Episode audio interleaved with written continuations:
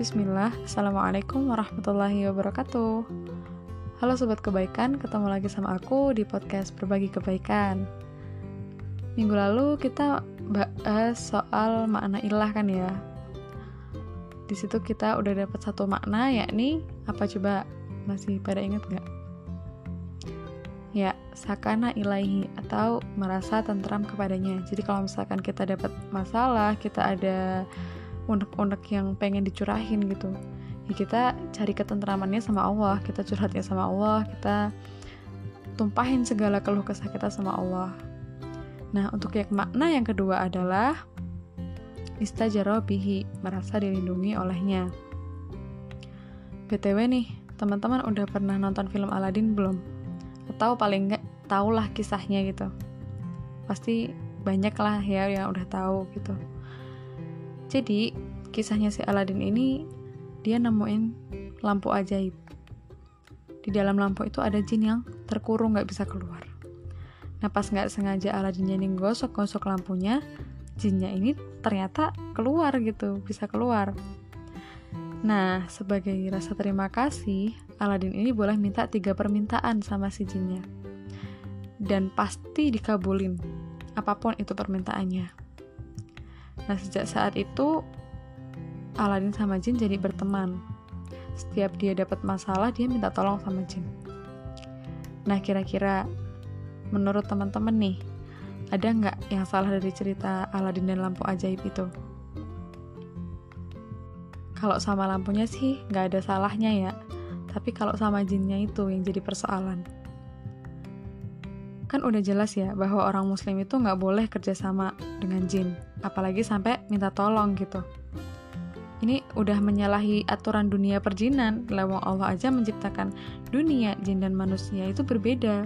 Kalau misalkan jinnya mau bantu manusia ini emang tujuan dari si setan yang pengen godain manusia gitu ya. Padahal Allah tuh udah jelas-jelas ngasih info ke kita kalau misalkan kita minta bantuan ke jin artinya kita udah nambah dosa dan kesalahan kita. Ujung-ujungnya terjadi syirik ya kan? Alias menyekutukan atau menduakan Allah. Dalam Quran Allah Subhanahu wa taala berfirman bahwasanya ada beberapa orang-orang di antara manusia minta perlindungan kepada beberapa laki-laki di antara jin maka jin-jin itu menambah bagi mereka dosa dan kesalahan. Quran Surah Al-Jin ayat 6 Kalau misalkan kita nggak minta ke jin tapi dianya yang bantu gimana?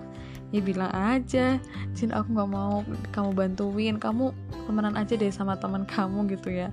Lagian aku udah punya temen yang sama-sama ngerti masalah manusia gitu. ya gitulah ya intinya. Tapi biasanya nih kalau misalkan dia jin muslim dia bakal ngerti kalau misalkan kerjasama antara manusia dan jin itu nggak boleh alias dilarang gitu ya. Kitab sucinya kita kan sama sama-sama Al-Quran sama-sama berpedoman pada Al-Quran dan meneladani Rasulullah. Ya nggak?